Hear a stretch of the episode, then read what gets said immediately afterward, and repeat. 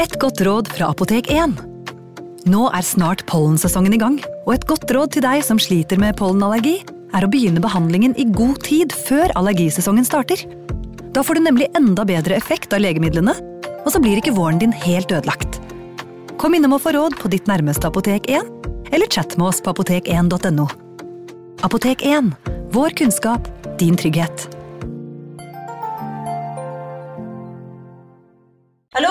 Jeg kommer fra Oslo politikammer.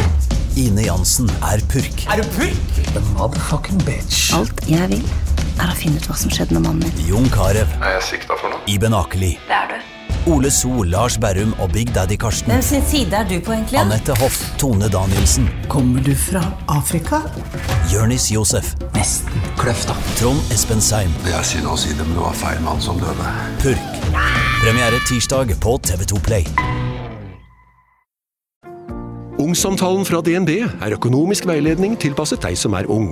Bokk en ungsamtale på dnb.no. slash ung. Det er kjempebra hvis du skal inn på boligmarkedet, hvis det er drømmen din, liksom. Det er det du skulle sagt. Og så kunne du ropt litt mer, da, sånn som jeg gjorde. Bam! Advarsel. Denne podkasten inneholder skildringer av ekte drap og kriminalsaker som kan være støtende for enkelte. Det advares også mot sterke inntrykk i deler av episoden. Richard Mallory var etter alt å dømme ikke noen god mann. På overflaten fremsto han ganske normal. Han hadde en stabil jobb som leder for et elektrikerfirma, men Richard var uforutsigbar, drevet av sine indre impulser. Hans to største svakheter var kvinner og alkohol, og kunne forsvinne i dagevis på turer som involverte en farlig kombinasjon av sex og overstadig drikking. Det er på en av disse turene at Richard plukket opp den prostituerte Eileen Warners, noe som ville bli et skjebnesvangert møte for dem begge. Richard og Eileen kjører til et avsidesliggende sted der de avtaler pris og hvilke seksuelle aktiviteter som står på menyen. Eileen forstår raskt at Richard ikke er en typisk kunde, men hun forsøker å fortsette som vanlig. I Eileens beskrivelse av hendelsene blir Richard så aggressiv. Han angriper Eileen og forsøker å voldta henne. I desperasjon griper hun pistolen sin og skyter han tre ganger. Det vil senere bli stilt spørsmål ved hvorvidt dette var en handling i nødverge, eller om Eileen skjøt Richard i kaldt blod. Med kun Eileens forklaring å lene seg på, en forklaring som vil endre seg fra gang til gang, er det vanskelig å vite med sikkerhet hva som faktisk hendte denne kvelden. Det som er sikkert, er at Richard Mallory blir Aileen Warners sitt første drapsoffer, og starten på det som vil bli beskrevet som en tolv måneder lang drapsorgie. Velkommen til True Crime Podden.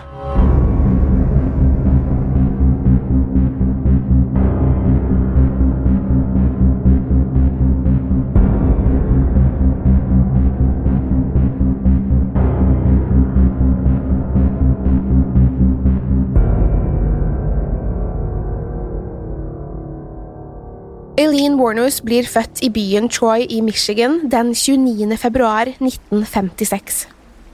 Barndommen hennes var mildt sagt kaotisk, og det var nok aldri videre håp om et normalt liv for Eileen. Moren hennes, Diane Warners, var bare 15 år og allerede skilt fra Eileens far, Leo Dale Pittman, da Eileen ble født. Eileen møtte aldri faren sin, men dette var neppe noe stort tap, da Leo Pittman antageligvis heller ikke ville hatt noen god påvirkning på unge Eileen. Han ble beskrevet som en sosiopat. Han satt fengslet for overgrep mot barn, og det var til slutt i et fengsel han endte livet sitt. Fraværet av hennes ustabile far var likevel ikke nok til å skape forsvarlige omstendigheter for unge Eileen. Moren hennes taklet heller ikke ansvaret som krevdes for å ta seg av Aileen og hennes bror, og overlot oppdragelsen til Aileens besteforeldre, Laurie og Britta Warnus. Livet med besteforeldrene ble heller ingen trygg havn for Aileen. Bestefaren Laurie drakk tett og var streng med barna. Terget de ham skikkelig, var han ikke fremmed for å straffe dem fysisk med beltet sitt. I mange tilfeller innebar dette, ifølge Eileen, at hun måtte ta av seg alle klærne mens han pisket henne med belte, Senere involverte dette også seksuelle overgrep. Faktisk ville ikke Eileen lære at Laurie og Britta ikke var hennes biologiske foreldre før hun var i tenårene. Dette ledet henne inn i en enda mer opprørsk retning. Innen den tid hadde Eileen begynt å utforske sin seksualitet, og hun var seksuelt aktiv allerede som elleveåring.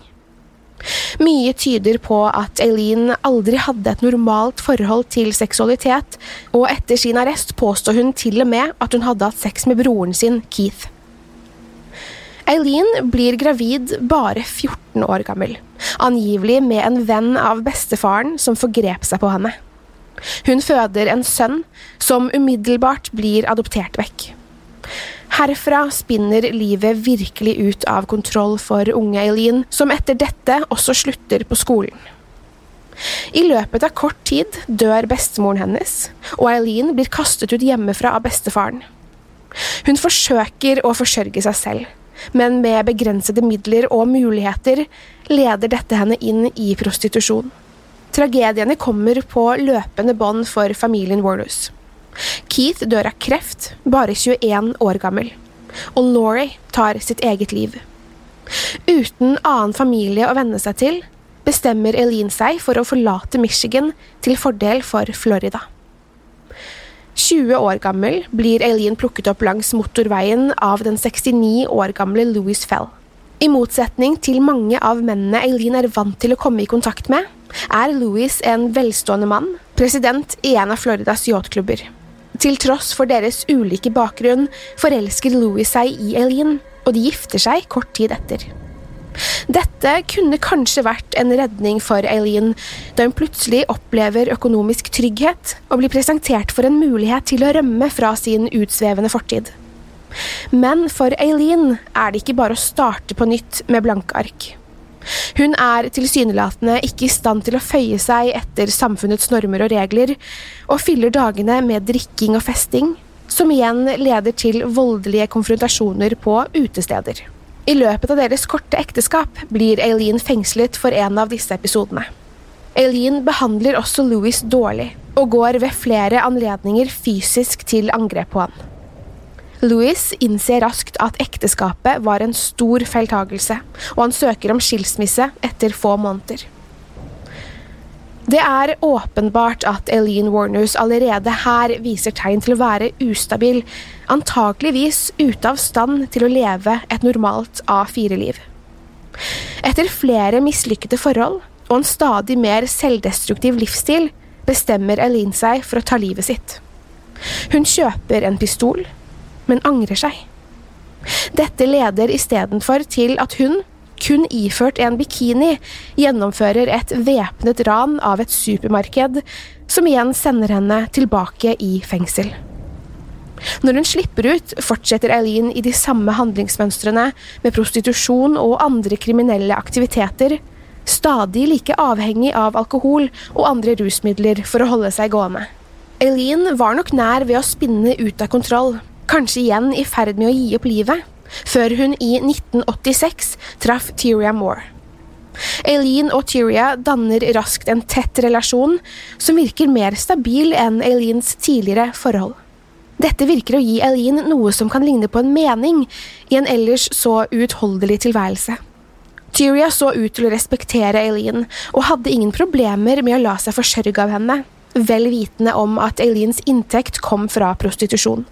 Eileen tjener riktignok ingen formue på sine virksomheter, og livene deres er langt fra glamorøse i denne perioden.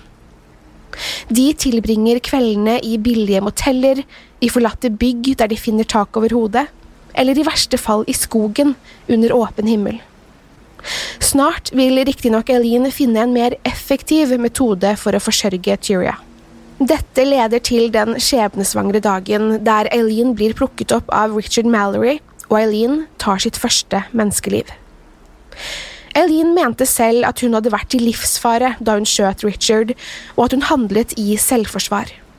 Isolert sett hadde dette vært et ganske troverdig hendelsesforløp. Richard Mallory var tidligere dømt for overgrep og var kjent for sin utagerende livsstil. Aileen's yrke medførte også høy risiko, særlig siden hun opererte langs motorveier, og hennes eventuelle forsvinning ville være vanskelig, kanskje til og med umulig, å spore. Det er derfor ikke vanskelig å tro på et scenario der Richard kan ha overfalt og forgrepet seg på henne. Det som i ettertid kanskje svekker Aileen's troverdighet, er at hun over de neste tolv månedene dreper ytterligere seks menn, og at hun i alle disse tilfellene hevdet at hun handlet i nødverge. Det tar flere uker før noen oppdager kroppen til Mallory. Innen han blir funnet, er liket allerede begynt å råtne, og det må fingeravtrykk til for å identifisere ham. Politiet graver i privatlivet og fortiden hans, men dette leder ikke umiddelbart til noen nye oppdagelser i saken. Det tar seks måneder før Eileen dreper igjen. David Spears nakne kropp blir funnet langs en riksvei. Han er skutt seks ganger, med et våpen av samme kaliber som det som tok livet av Richard Mallory. Kort tid senere blir liket av Charles Carscadden funnet, umiddelbart i en så nedbrutt tilstand at han ikke lar seg identifisere. Peter Seams blir Aileens fjerde offer, men hans lik blir aldri funnet. Likevel vil hans forsvinning bli utslagsgivende i Eileens avsløring. Politiet begynner allerede her å se konturen av seriedrap, alle mennene funnet drept på en lignende måte på avsidesliggende steder, direkte tilknyttet en større motorvei. Etter å ha gjennomført et drap ville Eileen antageligvis returnere hjem til Tyria, tilsynelatende stolt over hva hun hadde utrettet. Hun viftet med pengene hun hadde skaffet, og kom med lovnader om at livene deres ville endre seg til det bedre. Det er mulig drapet på Richard Mallory skiller seg ut, men det er mye som tyder på at Eileen fortsatte å drepe da hun oppdaget at dette var en mye mer effektiv måte å skaffe penger sammenlignet med hennes beskjedne inntjening som prostituert. I tillegg til å stjele penger tok Eileen gjerne med seg verdifulle gjenstander som hun solgte hos pantelånere, og benyttet seg av bilene deres så lenge hun opplevde dette som trygt. Dette ville til slutt vise seg å lede til politiets mistanke mot Eileen, og til slutt hennes arrestasjon og dom. I juni 1980 krasjer nemlig Eileen og Tyria en av disse bilene inn i en busk på en privat eiendom. De oppfører seg mistenkelig, og når beboerne spør om de skal ringe etter en ambulanse, avviser Eileen og Tyria dette, med begrunnelsen om at de ikke har forsikring.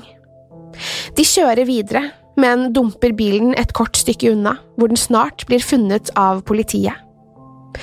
Skiltene er fjernet, vinduene er knust, og de oppdager rester av blod på interiøret. Og den matcher beskrivelsen på Peter Seams bil, som på dette tidspunktet er meldt savnet. Politiet henter inn vitnebeskrivelser på Eileen og Tyria, og de blir med dette etterlyst, i første omgang mistenkt for Peter Seams forsvinning. Eileen fortsetter likevel i sitt nå vante handlingsmønster. Fra juli til november dreper hun Troy Burris, Charles Richard Humphreys og Walter Antonio. Med de mange påfallende likhetene mellom drapene blir en sammenheng nå tydeligere for politiet.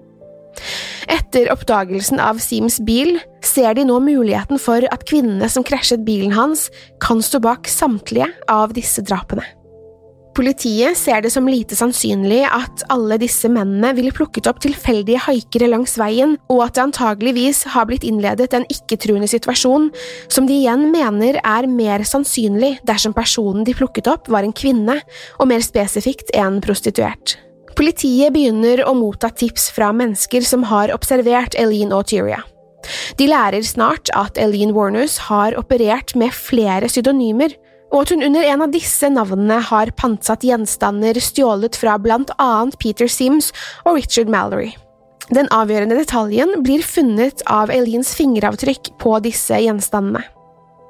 Politiet finner matchende avtrykk i en gammel arrestordre for en kvinne ved navn Laurie Grody, et av Eileens gamle pseudonym, og dette hjelper dem i å identifisere Eileen som deres hovedmistenkte i saken.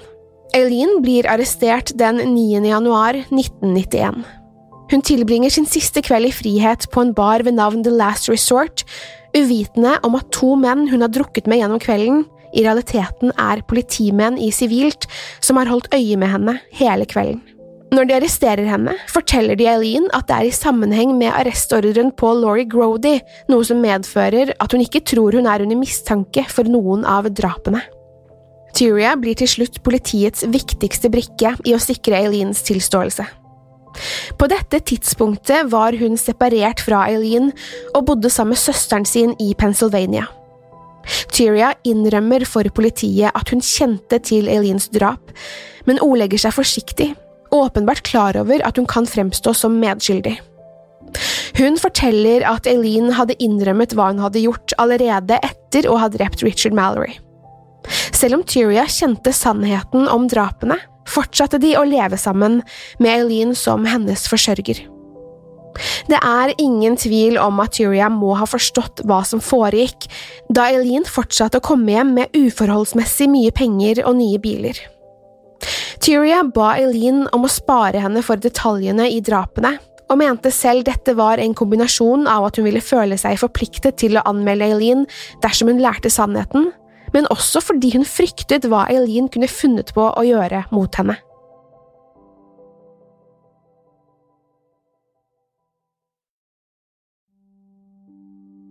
Tyria samarbeider villig med politiet, og gjennom overvåkede telefonsamtaler forsøker Tyria å få Eileen til å innrømme sin skyld. Til å begynne med er Eileen forsiktig, vel vitende om at hun kan bli lyttet til, men etter hvert blir hun mer direkte i hva hun sier og innrømmer. Det blir åpenbart at Eileen har mye kjærlighet for Tyria, og hun presiserer at Tyria er helt uskyldig og at hun ikke må bekymre seg. Kort tid etter dette tilstår Eileen alle drapene. Under tilståelsen holdt Eileen fast ved at Tyria ikke var involvert i noen av drapene. Samtidig er hun tydelig på at hun selv var et offer. Hun forteller dem at hun ble angrepet og voldtatt eller forsøkt voldtatt i alle tilfellene, og at drapene på alle syv mennene var siste utvei. Deler av historien virket å bli konstruert mens hun fortalte den, forsiktig med å ikke fremstille seg selv i et negativt lys. Samtidig var hun mer enn villig til å endre på historien sin underveis dersom hun så muligheten til å forbedre sin posisjon. Eileen var nok på mange måter et offer, og hadde vært det store deler av livet. Hun hadde opplevd seksuelt misbruk og omsorgssvikt fra ung alder, og blitt voldtatt ved flere anledninger. Hun var et offer også for omstendighetene av livet sitt, og for et system som aldri klarte å hjelpe henne. I Elins egne ord nådde hun til slutt en grense for hvor mye hun tålte, og så seg til slutt nødt til å handle når trusselen for voldtekt eller overgrep ble for stor. Til tross for dette innså nok Eileen at hun var nødt til å bli dømt, og uttalte samtidig at hun antageligvis fikk som fortjent dersom hun endte opp med dødsstraff. Med sin unike historie og store personlighet blir Eileen en slags kjendis gjennom mediedekningen av saken.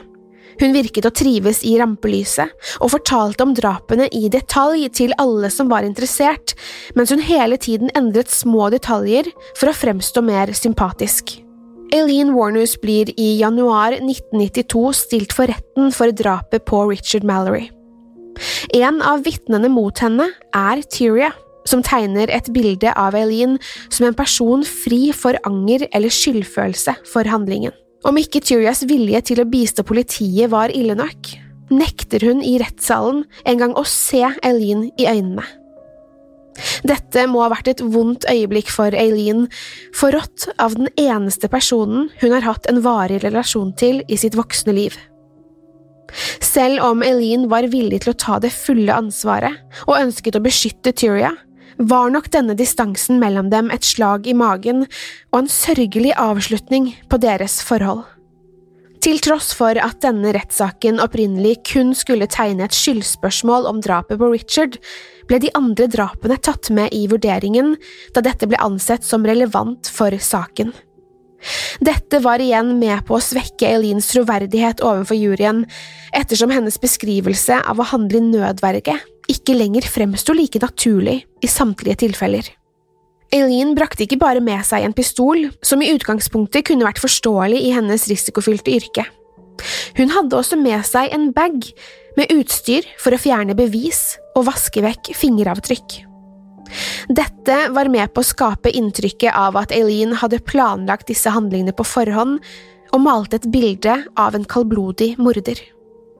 Når det i tillegg ble presentert en video av hennes tilståelse, der hun uberørt beskriver drapshandlingene i detalj, ble det lite sannsynlig at Eileen ville møte noen sympati i avgjørelsen. Hvorvidt Eileen var tilregnelig, ble også brakt opp under rettssaken. Vitner beskriver henne som psykisk syk, antageligvis et produkt av hennes problematiske oppvekst og hennes generelle mangel på stabilitet siden barndommen. Håpet var neppe at dette ville eliminere skyldspørsmålet, men antageligvis et forsøk på å skape en viss empati for Eileen og potensielt redusere omfanget av dommen. Men dette ville heller ikke vise seg å bære frem i retten. Eileen insisterte på å selv fortelle sin historie i rettssalen, og igjen modererer hun fortellingen sin. Richard Mallorys overgrep blir stadig verre og verre i hennes beskrivelse, og når hennes sannhet blir satt på prøve av aktoratet, blir hun opprørt og hissig.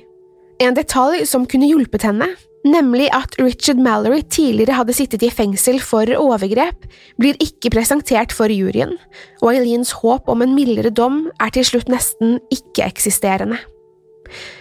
Når dommen faller og Eileen blir dømt for overlagt drap, kommer raseriet hennes tilbake, og hun skriker til alle tilstedeværende.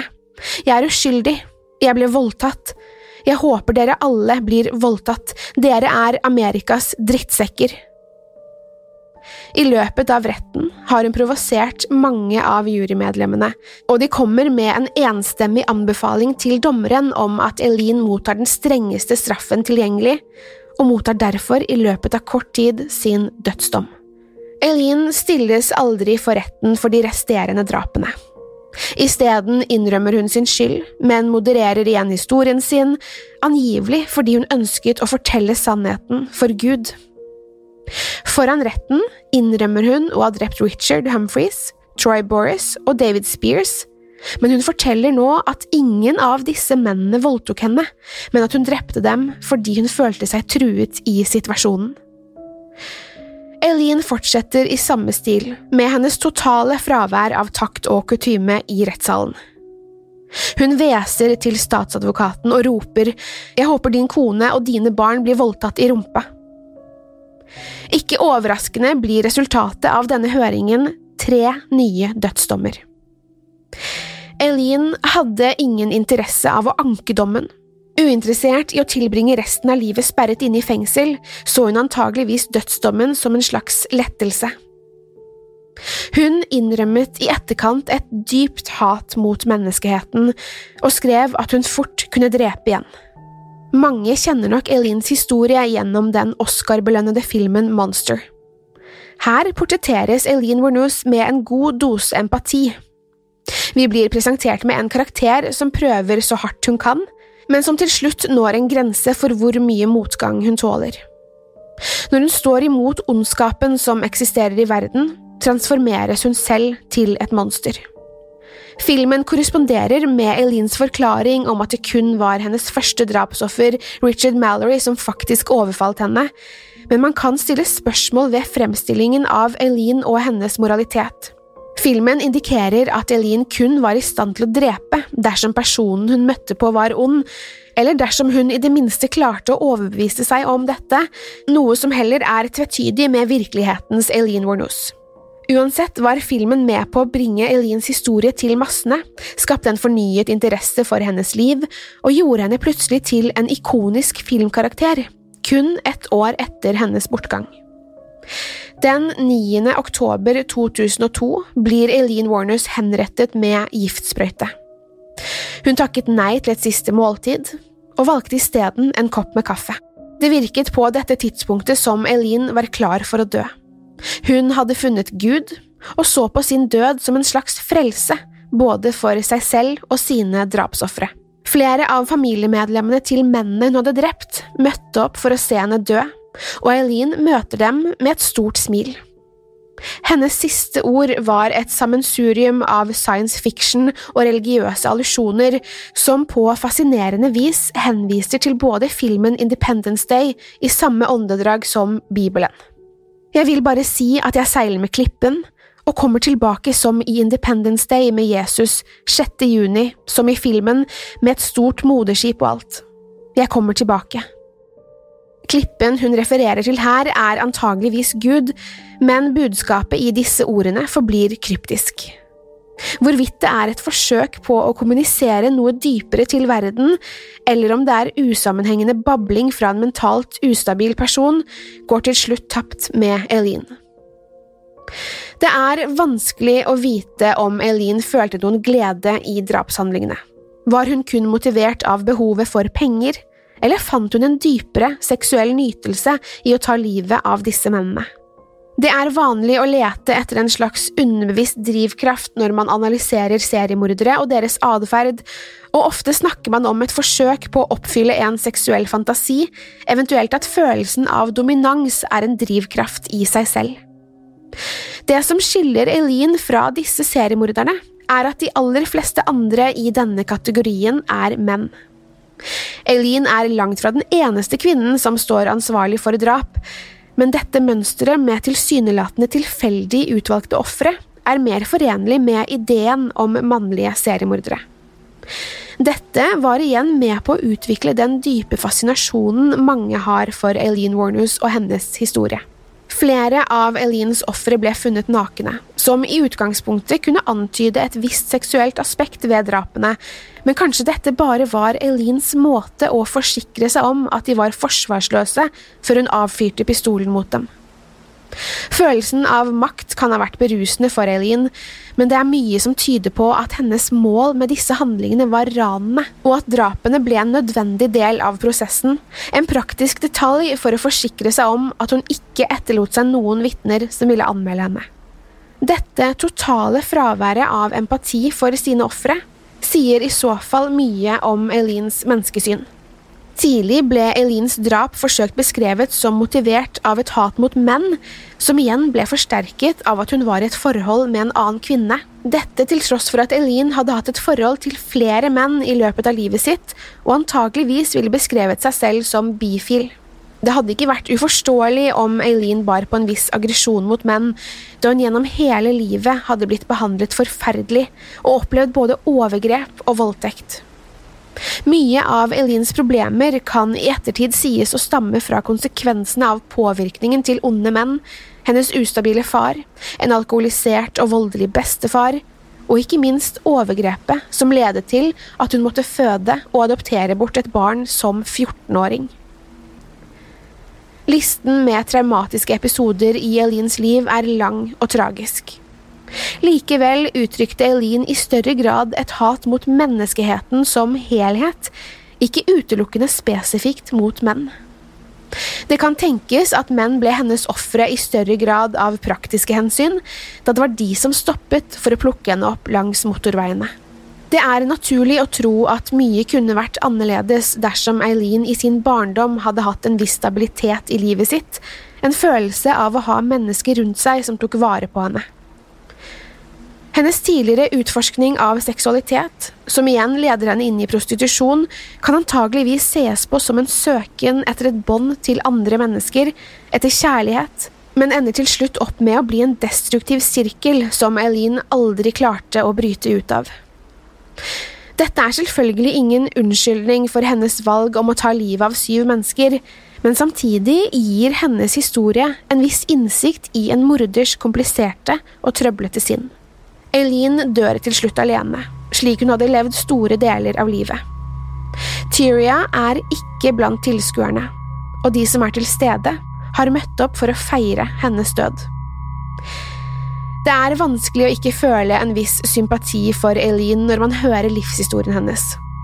Hun ble forlatt av alle menneskene som skulle være hennes omsorgspersoner, overlatt til seg selv fra en altfor ung alder og tvunget inn i et liv av prostitusjon.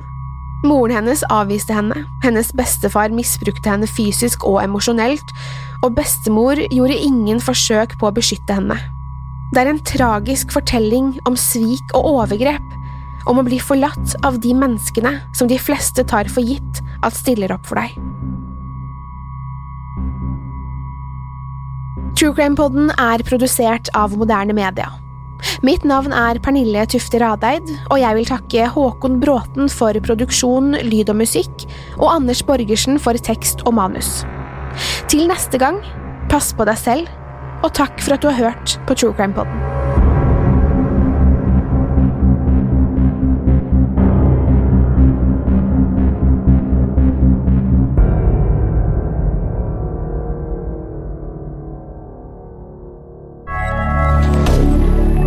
Moderne media. Har du et enkeltpersonforetak eller en liten bedrift? Da er du sikkert lei av å høre meg snakke om hvor enkelt det er med kvitteringer og bilag i fiken, så vi eh, gir oss her, vi. Fordi vi liker enkelt. Fiken superenkelt regnskap. Hei! Takk for at du lytter til True Crime Podden. Skulle du ønske at du kunne høre en ny episode av denne podkasten hver eneste uke? Vel, da er det bare å laste ned podkastappen Untold med en gang. I tillegg til ukentlige episoder av podkaster som Skrekkpodden, Synderne og Henrettelsespodden, får du masse annet reklamefritt og eksklusivt innhold. Last ned Untold i AppStore eller Google Play, og start din 30 dagers prøveperiode i dag.